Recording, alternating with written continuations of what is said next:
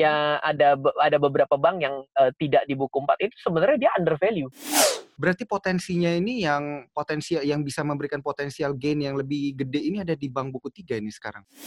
Dalam dua tahun terakhir ini betul finance itu adalah yang mengawal kenaikan ketika indeksnya turun dalam finance enggak. Mm -hmm. Jadi dia menahan penurunan.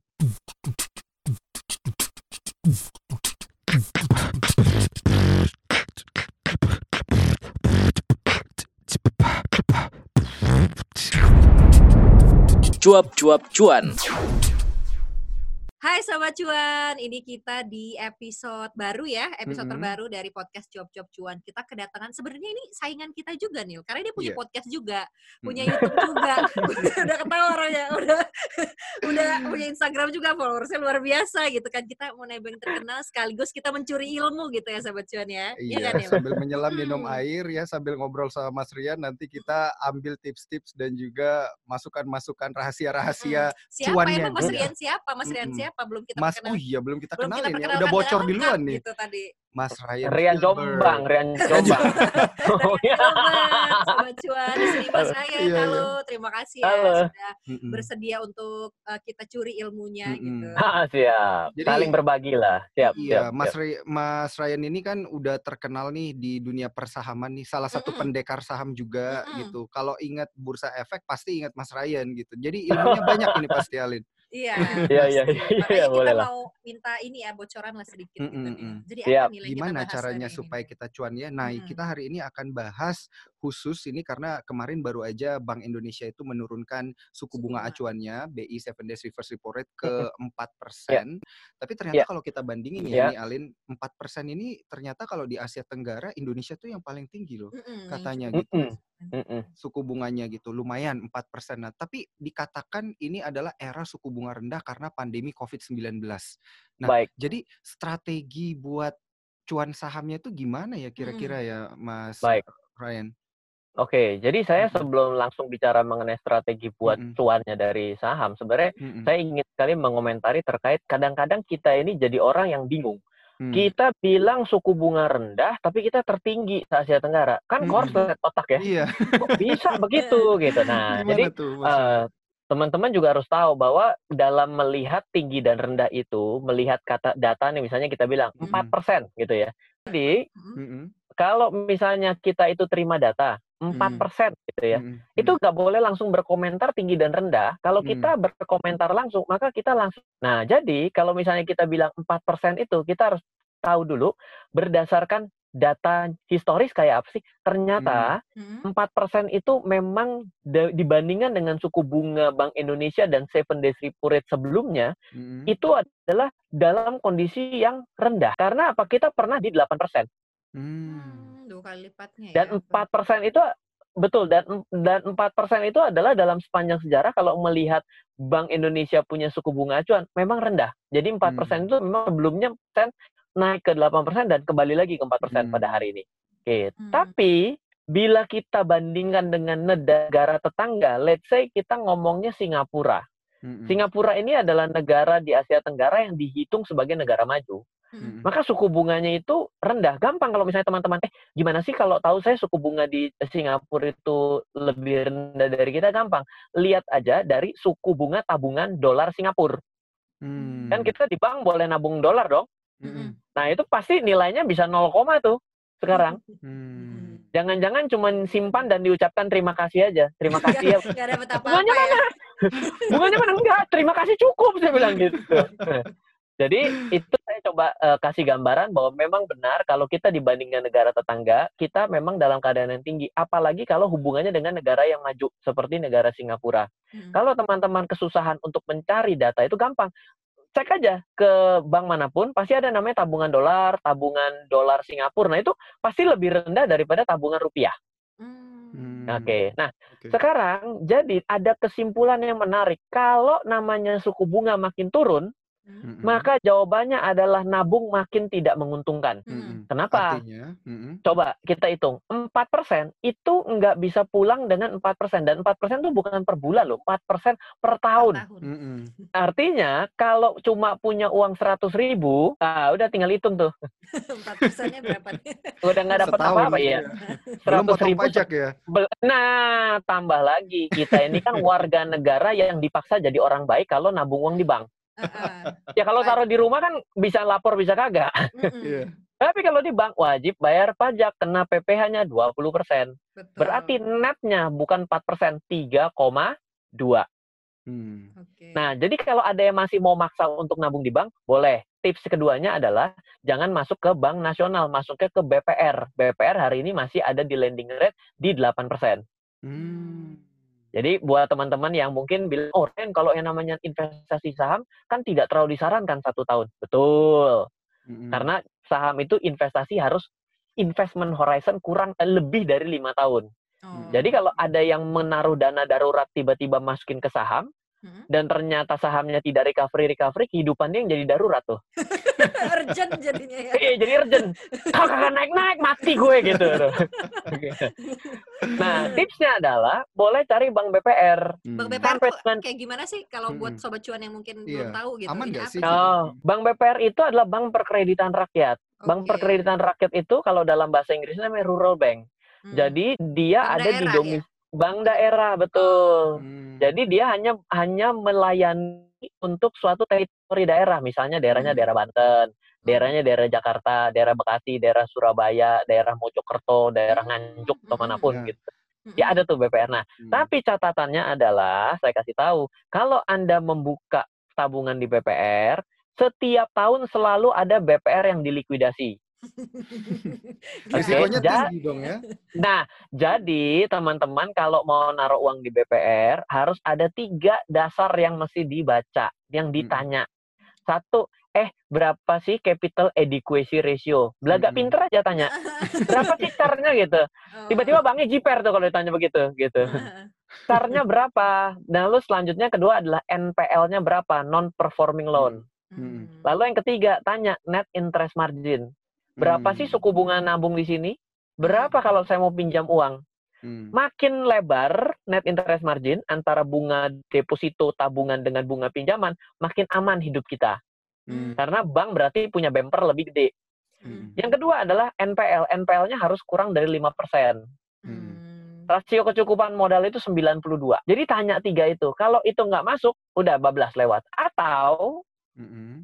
setiap tahun ada majalah yang selalu mengupdate mengenai BPR-BPR top di Indonesia. Hmm. Oh, Nah, ini boleh disebut nggak nih nama majalahnya? Boleh deh. Boleh. gitu boleh deh. Buat Boleh, informasi ha? kan Hmm. sobat cuan. Oke, namanya majalahnya adalah Infobank. Hmm. Dia keluar untuk rating BPR dan Bank Nasional itu setiap bulan April kalau nggak salah. Hmm. Oke. Nah, jadi teman-teman bisa baca tuh, oh BPR terbaik. Dan biasanya ada BPR terbaik yang ada di daerah Anda. Mm-mm. Jadi deposito di sana sampai dengan 2 miliar ditanggung LPS. Selama nggak pernah punya catatan ngemplang bank ya. Kartu kredit nggak bayar ya. Pin- pinjol kabur ya. toh. Nah, BI checkingnya merah, nggak boleh itu gitu. Oke, jadi Hmm. ini adalah tips untuk yang mau investasi jangka pendek. Mm-mm. Daripada nanti tiba-tiba langsung masuk saham, Mm-mm. lalu saya diomelin, Pak katanya saham untung. Iya, kalau di atas lima tahun. Investasi untuk enam bulan lagi batal nikah. Ternyata corona sudah lewat batal nikah karena nyangkut duitnya di saham belum recovery. Oh jadi masalah kan? Gitu. Jadi ini- kalau sekarang kita sudah tahu untuk investasi jangka panjang, oke Anda boleh masuk ke saham. Nah, tips untuk membeli saham bagi anak muda, sebenarnya jangan ngomong dulu modalnya kecil. Kalau anak muda modalnya banyak, dia bandar jangan-jangan bandar narkoba. gitu ya. Wajar kalau muda modalnya dikit mah gitu ya. Hidupnya Yang baru kedua. sebentar ya. Iya, namanya hidup baru sebentar, kerja baru sebentar gitu kan. Nah, jadi kalau mau jangan bicara mengenai modal, tapi biasakanlah jadikan gaya hidup. Hmm. Jadi mulailah dari muda memiliki gaya hidup sehat. Gaya hidup sehat itu gaya hidup sehat secara keuangan, gaya hidup sehat secara kesehatan jasmani, gaya hidup sehat secara spiritual. Wus gile. Tiga ya, Udah paket pakai- komplit. Heeh. Ah, mirip Ustadz kita hari ini ya. Ceramah. Iya. Mm. Kalau kita bicara sehat keuangan adalah jangan bicara besar kecilnya. Yang penting melakukan investasi. Berapapun mana urus. Mm. Hari ini kita investasi itu beda lu sama zamannya si Ryan masih muda. Cie, Ryan masih muda. Apa tuh apa tuh bedanya Mas Ray? Dulu waktu saya 16 tahun yang lalu mulai usia saya 18 tahun, investasi saham itu mulai buka rekening 40 juta. Hmm. Hari ini 100 ribu rupiah. Udah bisa ya. Hmm. Udah bisa buka rekening. Mm. Kalau misalnya buka reksadana dulu, saya investor rekon 40 juta. Mm.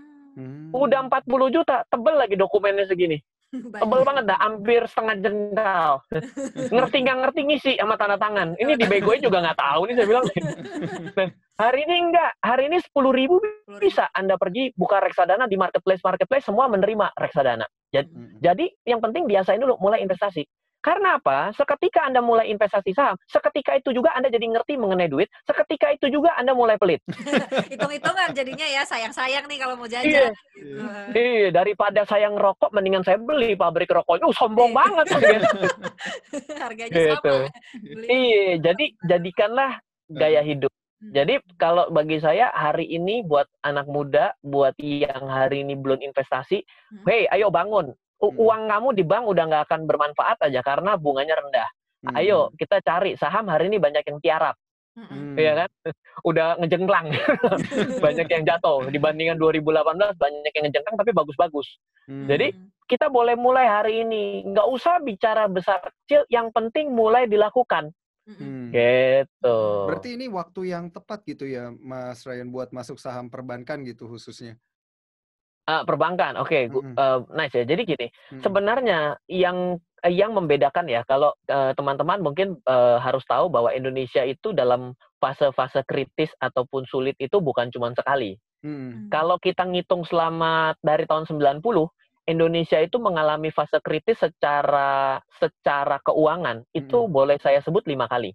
Mm. Hmm. Tahun 90, Mm-mm. tahun 98, tahun 2008, Mm-mm. tahun 2013 dan awal tahun 2000. Jadi 2000, Hmm. 2008, 2013 ke 2015. Yang Hmm. 2013, 2015 itu kita hampir tidak merasakan. Padahal Hmm. udah hidup. Tapi yang serem tuh kan dengar 2008, yang lebih Iya. horor 98. Nah, Hmm. ada cerita menariknya nih dari penurunan-penurunan pasar. Ini catatan yang bagus. Ketika Anda berbicara mengenai penurunan pasar, Mm-mm. itu biasanya pasar didewasakan. Setiap krisis itu selalu terjadi pendewasaan terhadap sektor keuangan. Mm-mm. Tahun 98 itu adalah fase pendewasaan perbankan di Indonesia. Uh, kalau misalnya kita ini kalau ngelihat dari presenternya ini muke-mukenya lebih muda dari saya. Jadi 98 pasti kurang dari 6 SD. Iya. Nah, 6 SD ya. Oh, berarti seumur ya kita ya. 11 12 lah, Mas SD. Ryan. itu kita eh, eh, eh, kita nggak nggak nggak ngeh. Sebenarnya pada hari itu lagi chaos. Itu berarti adalah fase bank lagi didewasakan. Mm-mm. jadi dua kalau 2008 yang didewasakan siapa yang didewasakan adalah industri pasar modal. Nah kalau di 2020 ini yang didewasakan mana? Yang didewasakan ini adalah awareness terhadap kesehatan kita karena datangnya pande- dari pandemik Mm-mm. ini kan kita harus lebih sehat, Iya. vitaminan, olahragaan, menjaga nenek kita. Kalau pulang cuci tangan ya sama ganti baju itu udah cerita dari zaman Dari nenek zaman kita. Kita Mm. kita di remind kembali. Nah, jadi kalau dibicarakan mengenai investasi pada perbankan, bank pada hari ini melewati krisis jauh lebih siap dibandingkan 98 dan 2008 Hmm. jelas pada hari ini jadi kalau Anda mau investasi saham perbankan, sebenarnya bank ini udah siap di terjadi kondisi pada hari ini. Mas Hmm. Ryan, ada beberapa loh yang hari ini kesulitan likuiditas. Iya, ada beberapa tapi nggak nyampe puluhan. 98 puluhan, Bos. Mm-mm. Mm-mm. Gitu. Jadi Mm-mm. hari ini Anda sebenarnya cukup tepat kalau melihat bahwa bank itu menjadi salah satu yang tepat untuk diinvestasikan. Kenapa? Mm-mm. Karena nadi dari perekonomian itu adalah perbankan. Mm-mm. Mm. Bank itu adalah salah the most highly regulated secara industri keuangan. Hmm. Dibandingkan pasar modal, dibandingkan pegadaian, dibandingkan modal ventura, mah jangan lebih lebih lagi ya itu ya industri keuangan non bank. Jadi beda sekali. Jadi regulasi paling tinggi tentunya paling dijaga. Kenapa kalau banknya carut marut, negara pasti bu bablas Mm-mm. Mm-mm. gitu. Nah. Ini waktu yang tepat melihat perbankan. Nah, kalau kalau gitu kan ini tiap kali krisis perbankan itu didewasakan, bahkan mungkin lebih dari perbankan ya, sektor lain juga didewasakan. Kalau kita Iya. melihat secara khusus ke perbankan nih, Mas Rian, sebenarnya perbankan kita itu sekuat apa sih nih nahan kondisi pandemi dan juga ancaman resesi sebenarnya? Baik, jadi eh, ancaman terbesar dari bank itu sebenarnya datang dari kita-kita semua. Hmm. Apa tuh? Ya, iya, kalau misalnya kita harus tahu yang namanya bagaimana bisnis model sebuah bank. Bank itu Hmm. bisnis modelnya adalah semua uang yang kita taruh di bank.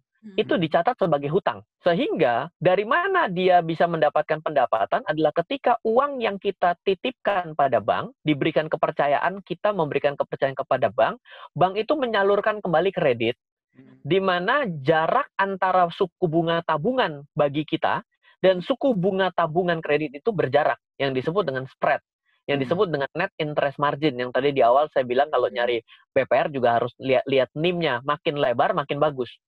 Jadi ketika ditanyakan seberapa siap sebenarnya selama kita tidak melakukan ras kepada bank Yaitu semua orang rame-rame sudah gitu tidak ya. percaya Mm-mm. langsung ditarik rame-rame bank paling kuat di Indonesia pun nggak ada yang kuat. Mm-mm. Jadi kalau yang kemarin itu kan tiba-tiba bank dalam keadaan susah ditarik pula segede-gedenya.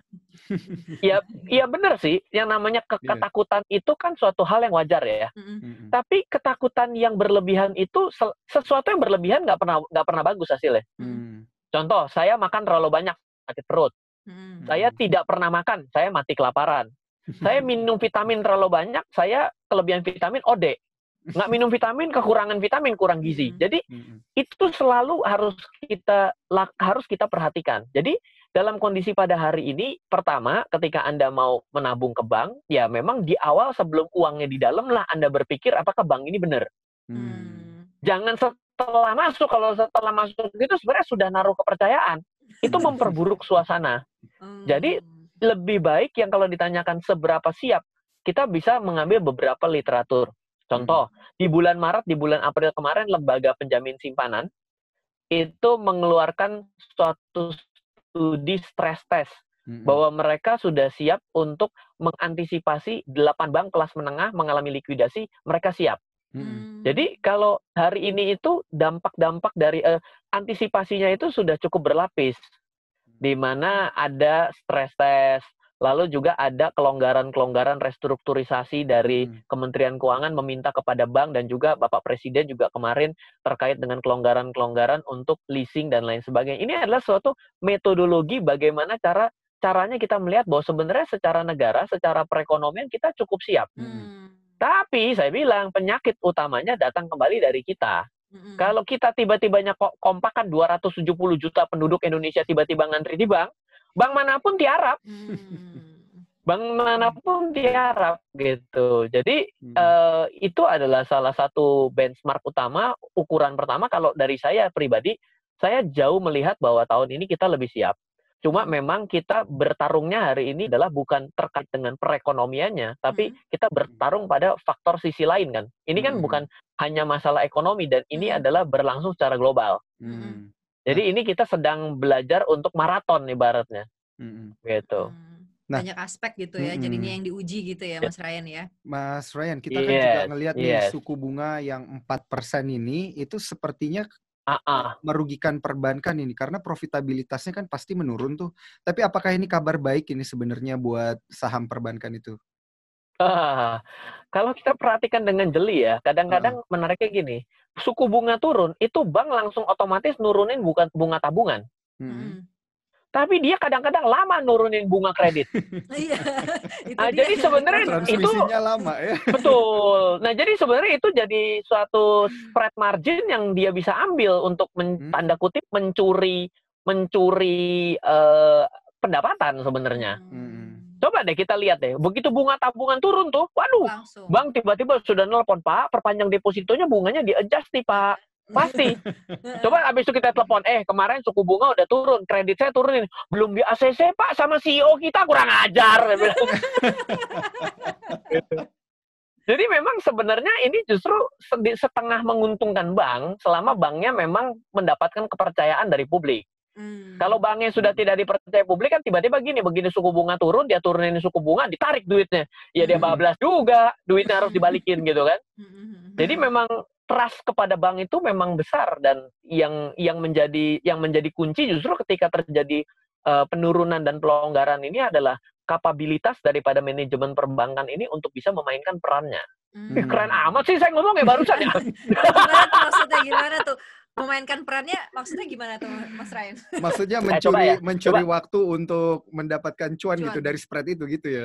Iya, satu ke sana yang kedua coba kita lihat ya. Kemarin ada satu tindakan yang bagus dari salah satu bank yang katanya kesulitan likuiditas katanya loh ya. Saya nggak hmm. berani karena orang besar juga di Indonesia gitu.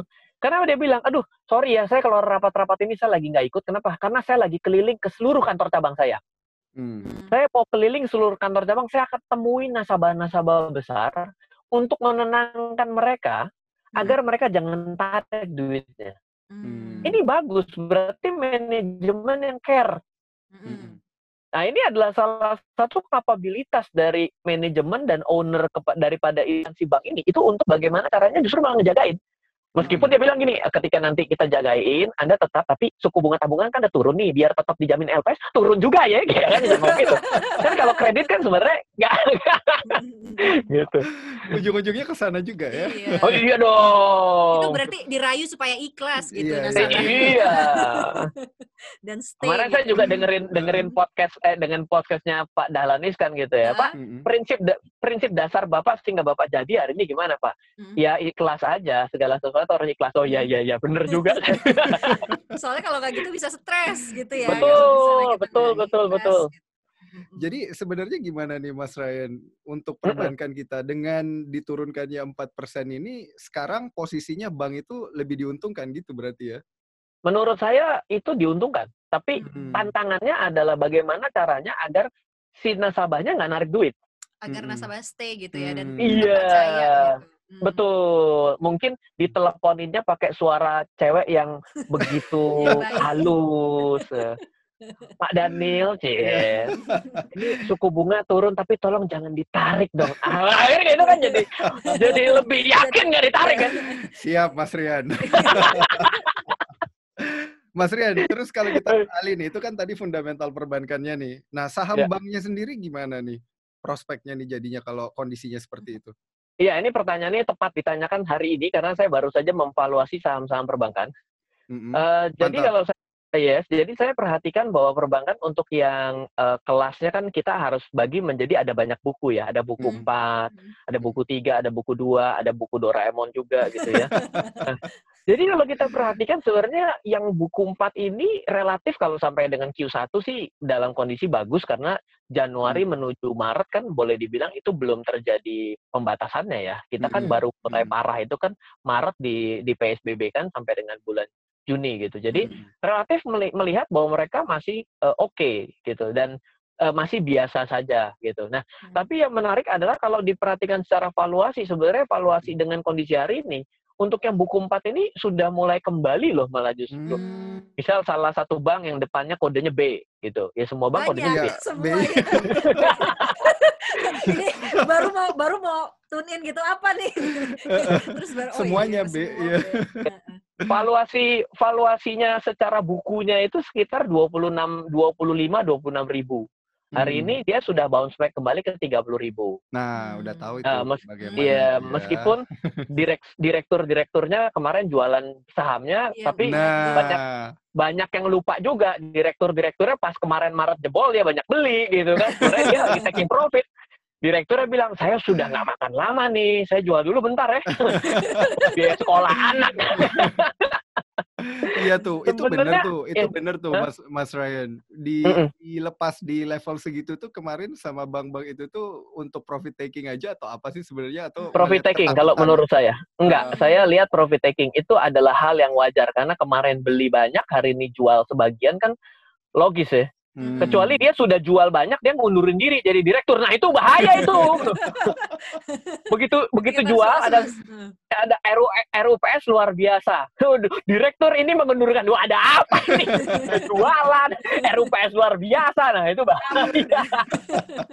itu namanya masih exit. aman ya. Iya, iya, iya. Gitu. Exit yang sesungguhnya ya, karena orangnya Iya. keluar juga semuanya. Itu bablas kalian. berlepas tangan deh itu Iya. kayaknya maksudnya kayak ya udah ya gitu Ar- Habis RUPS LB dia bikin press release. Kalau besok-besok ada hubungan dengan itu saya tidak bisa bertanggung jawab. Wah, tambah takut lagi. makin ngeri Mas Ren, ini ini kan gimana ya ngeri-ngeri sedap juga, lucu juga ini dengerin eh, pergerakan dari saham perbankan kita belakangan ini. Tapi kalau dilihat ya kan eh, suku bunga ini diturunin di angka 4%. Menurut Mas Ryan sendiri ini udah cukup belum sih? Atau sebenarnya mendingan diturunin lagi nih? Karena kan Bank Indonesia bilang kayaknya nggak bakal nurunin lagi. Iya, jadi dilema dilemanya eh, Ibu Sri Mulyani juga dengan Bank Indonesia ini pasti adalah sebenarnya menginginkan dengan diturunkannya suku bunga itu adalah ingin agar orang-orang berusaha, berbisnis, Mm. pakai duitnya untuk kegiatan produktif ataupun konsumtif. Mm-mm. Tapi kan pada hari ini kan orang juga mau misalnya saya begini punya uang lah, misalnya saya punya uang let's say eh, berapa berapa miliar tiba-tiba diturunkan saya nggak happy saya saya tarik begitu saya tarik juga saya mau bisnis dengan kondisi hari ini kan Hmm. mereka ngeri-ngeri sedap juga gitu Hmm. jadi dilemanya itu selalu dalam melihat kayak gini tuh akan kembali lagi ayam dulu telur dulu Hmm. Iya, jadi akan selalu bagi golongan pebisnis itu ah gimana sih orang masih banyak pembatasan begini kalau saya bisnis saya modiar dong. Iya, Tapi kalau dari dari sudut pandang yang lain, ya Pak, Bapak kalau sudah diturunkan bisnis dong. Nah Hmm. iya sih, tapi kan yang namanya kerugian bisnis tidak ditanggung negara. iya ditanggung Iya, kan? masing-masing. Mm-mm. Jadi kalau kalau hari ini ya, menurut saya ya eh, pesan penting adalah kita harus lebih memiliki skill. Kenapa? Hmm. Karena pada hari ini bagi orang yang mengerti skill akan menilai suatu investasi, Hmm. mereka bisa memilih instrumen investasi yang tepat. Hmm. Tepat itu de- dengan sudut pandang yang proper untuk dirinya lah ya. Bukan Hmm. tepat itu bagi saya sama bagi Mbak dan Mas belum tentu Hmm. sama gitu. Tapi Hmm. dia bisa proper sesuai dengan risk profile dia dan demikian juga dari orang-orang yang berbisnis hari ini Ya. tidak tidak ini loh tidak dapat dikatakan bahwa semua bisnis lesu loh hari ini Hmm. banyak bisnis yang omsetnya berlipat ganda Iya. Hmm. kenapa karena satu orang mungkin banyak nganggur tiba-tiba orang itu yang tadinya nggak nggak nggak nggak nonton di eh, mana eh, ch- channel-channel YouTube tiba-tiba dia Hmm. eh, nonton dan ketika nonton berarti beli kuota lebih banyak maka secara tidak langsung industri ko- telekomunikasi diuntungkan berarti kan Hmm. ini adalah bagian dari bagaimana caranya kita melihat suatu pengetahuan dah Hmm. balik lagi kalau ditanyakan pak kalau gitu menjadi bad news bagi perbankan kalau saya saya nggak pernah melihat bad news bagi perbankan karena Hmm. apa karena yang namanya bank ini kan jangan selalu berpikir bahwa bank ini eh, untungnya itu cuma dari yang namanya minjemin uang sama sama eh, ngambil uang untuk deposito dan tabungan Mm-mm. sekarang kan ada juga service Hmm. misal bayar listrik, bayar AL, bayar eh, virtual akun, dikenain cas, kena Mm-mm. sekian, transfer Mm-mm. antar bank, itu kan income. Hmm. Bank juga pasti dengan dia harus bisa mengerti bahwa pada hari ini dia tidak bisa lagi tanda kutip hanya membungai membungai uang, Hmm. tapi bagaimana caranya mengutilize nasabah dia, tiba-tiba beli asuransi, ah, tiba-tiba dia jadi eh, mungkin menempatkan dalam pen- transfer uang ke luar negeri, menerima Hmm. uang dalam luar negeri, pen- pemotongan uang dari luar negeri itu kan sebagai income bagi bank juga. Hmm. Jadi nggak bisa dibilang kabar buruk karena karena nilai transaksi transaksinya mungkin menjadi lebih kecil, tapi pendapatan dari other income-nya jadi membesar. Kenapa Hmm. semua orang duduk di rumah, top up Iya. top up elektronik, dapat Hmm. lagi untungnya, dipakai tapi uang elektronik lagi nggak di, nggak dipakai semua uangnya itu bebas bunga kan? Mm-mm. Uang elektronik mana berbunga kan nggak ada. Nggak ada. Hmm. Berarti kan uang yang ada di uang elektronik kita adalah dorman kan? Iya. Di mana sudah diatur secara Bank Indonesia harus ditaruh kepada SBN, sisanya dimasukin kepada bank buku 4. Itu kalau teman-teman di pelaku fintech mengerti itu bagaimana alokasi uang elektronik. Which is akan kembali menguntungkan bank mendapatkan bunga, mendapatkan uang yang dalam tanda kutip uang murah. Hmm. Jadi nggak sebegitu Iya. menyeramkannya kalau Anda paham. Yang namanya ketakutan itu cuma datang dari dua hal. Karena tidak tahu sama sekali atau sangat ngerti. Jadi malah makin takut Iya. ya karena tahu kondisinya Iya. sebenarnya gimana gitu. Betul. Tapi Nah, saya daripada hmm. menjadi takut, lebih baik menjadi orang yang positif. Positif Hmm. apa? Hari ini pasti berakhir kok masa-masa sulit ini. Iya. Mm-mm. Mm-mm. Kalau ditanya kapan, ini masalah nomor duanya, gitu. Karena nggak tahu juga kapannya gitu. ya. betul, betul. Mas Ryan, ini kita coba lanjutin lagi deh. Tadi eh, Mas Ryan bilang eh, baru aja memvaluasi perbankan nih, tapi baru disebutin satu. Yang lainnya gimana nih, Mas Ryan? Oke. Jadi kalau di saham-saham yang eh, buku empat itu rata-rata mereka sudah kembali pada nilai valuasinya. Bahkan Hmm. ada beberapa yang sudah lebih mahal daripada valuasinya. Hmm. Sedangkan pada bank-bank second liner yang bukan buku empat, Mm-mm. ya beberapa bank-bank yang hari ini sedang rame ya. Kalau yang rame dalam likuiditas mungkin oke lah. Jadi kita kesampingkan. Tapi bank-bank lain ya, ya ada ada beberapa bank yang eh, tidak di buku empat itu sebenarnya dia under value, Hmm. Hmm. under value. Ba- Jadi dia di downgrade. Gitu ya berarti ya. Iya. eh. Oke, Bang buku tiga, buku dua, gitu. Ba- banyak BPD gitu-gitu dong. Eh, kalau yang di tempat kita itu bank buku eh, bank yang TBK itu kan bank buku empat kita sudah tahu ada ada satu dua tiga empat enam. Nah Mm-mm. sisanya kan ada bank-bank lain ya di Mm-mm. luar yang sekarang lagi ada liquid yang kekurangan likuiditas dan tidak liquid kan ada Mm-mm. saham saham bank yang diem aja angkanya nggak berubah itu kan berarti kita kesampingkan tapi kalau yang Hmm. masih liquid itu rata-rata under value loh Oh. Hmm. Gitu Berarti inilah kesempatannya gitu ya berarti Mas Ryan. betul betul betul Serok. betul Serok bawah ini berarti ini Mas Ryan. serok heeh. Kalau kalau kita udah paham nih ya, kan tadi Mas Ryan juga sempat bilang antara nggak tahu atau tahu banget nih. Nah kebetulan ini kan Mas Ryan udah memvaluasi.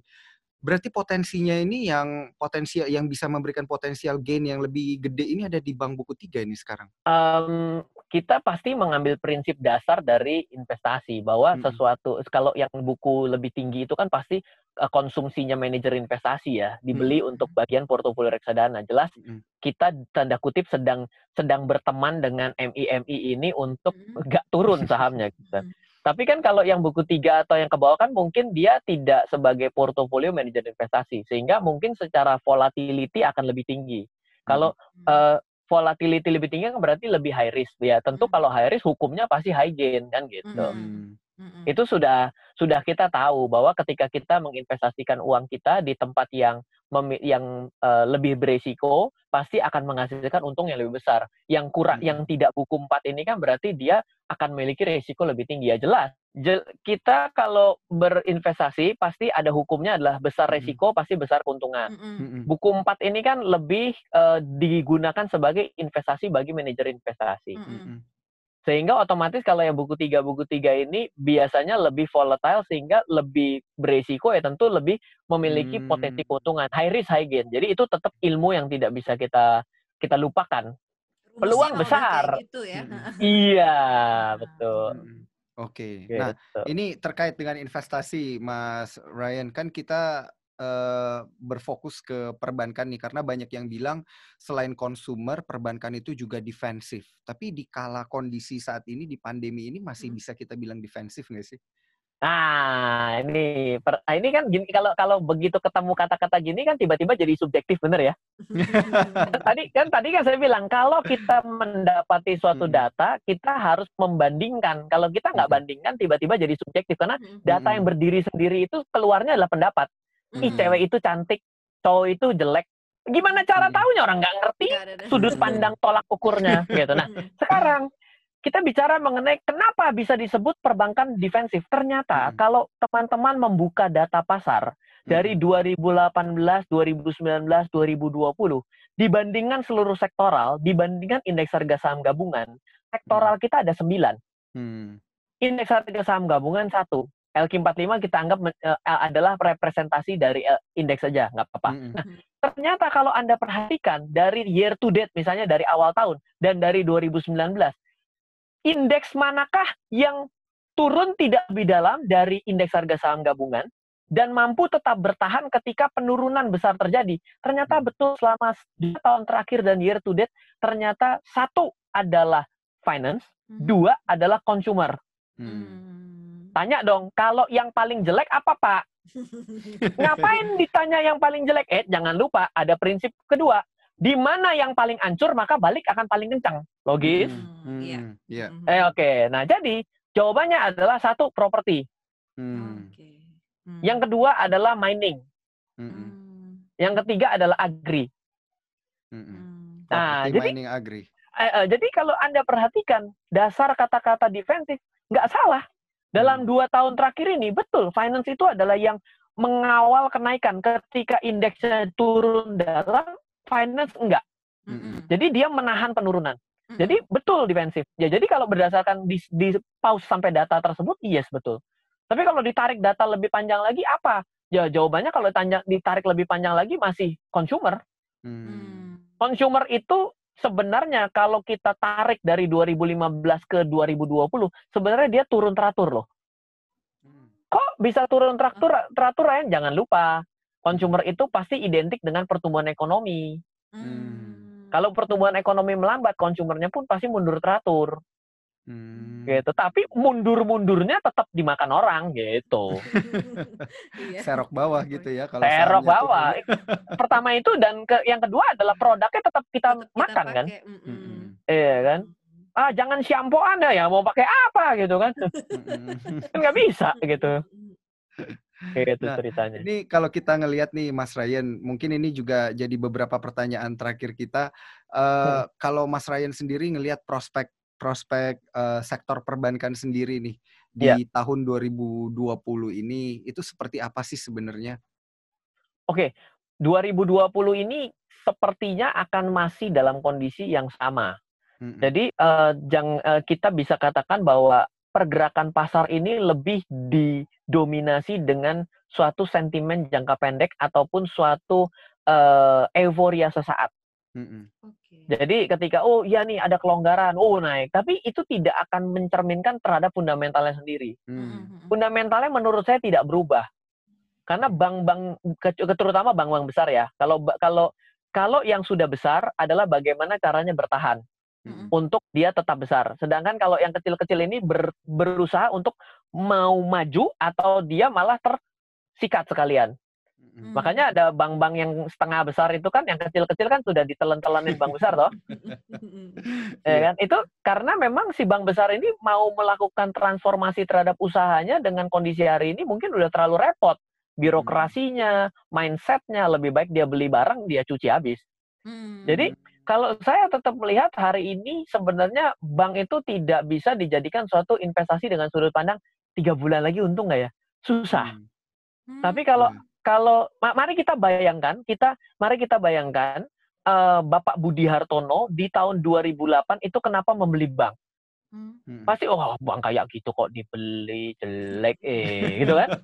Mari kita mundurkan dengan gaya beliau di 12 tahun yang lalu dan Anda lihat hari ini hasilnya gitu loh. Mm. Mm-mm. Harus dengan mindset seperti itu. Kalau kita tidak visioner rasanya kita akan susah untuk berbicara mengenai investasi. Mm.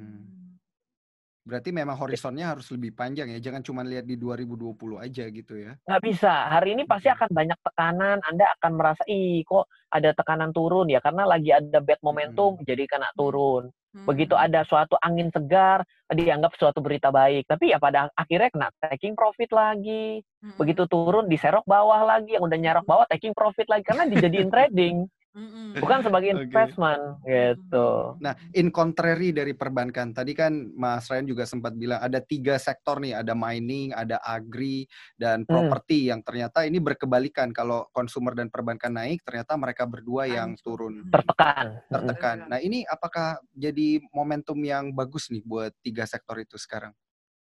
Iya, jadi kalau eh, kita memperhatikan yang namanya ro- rotasi sektoral dan Mhm. juga pemetaan recovery krisis, Mm-mm. maka sebenarnya kalau kita ingat-ingat properti itu akan naik gila-gilaan Mm-mm. setelah terjadi setelah recovery terjadi. Mm. Hmm. Jadi sebenarnya pada hari ini ketika bunga bank lagi tiarap-tiarapnya begini nih, Mm-mm. ini sebenarnya adalah kesempatan Anda untuk menengok bahwa properti juga lagi tiarap. Jadi Anda boleh untuk mulai selective buy pada properti ya selama punya duitnya ya ujung-ujungnya kan begitu ya. Iya.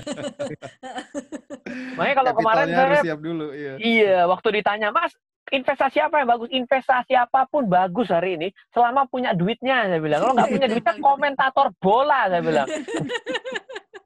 Dari situ yang paling Iya, penting ya bener-bener. Daniel ya sobat cuan ya. Properti bagus. Nah, kalau untuk mining ini beda. Kenapa? Karena mining ini kan lebih kepada industrial.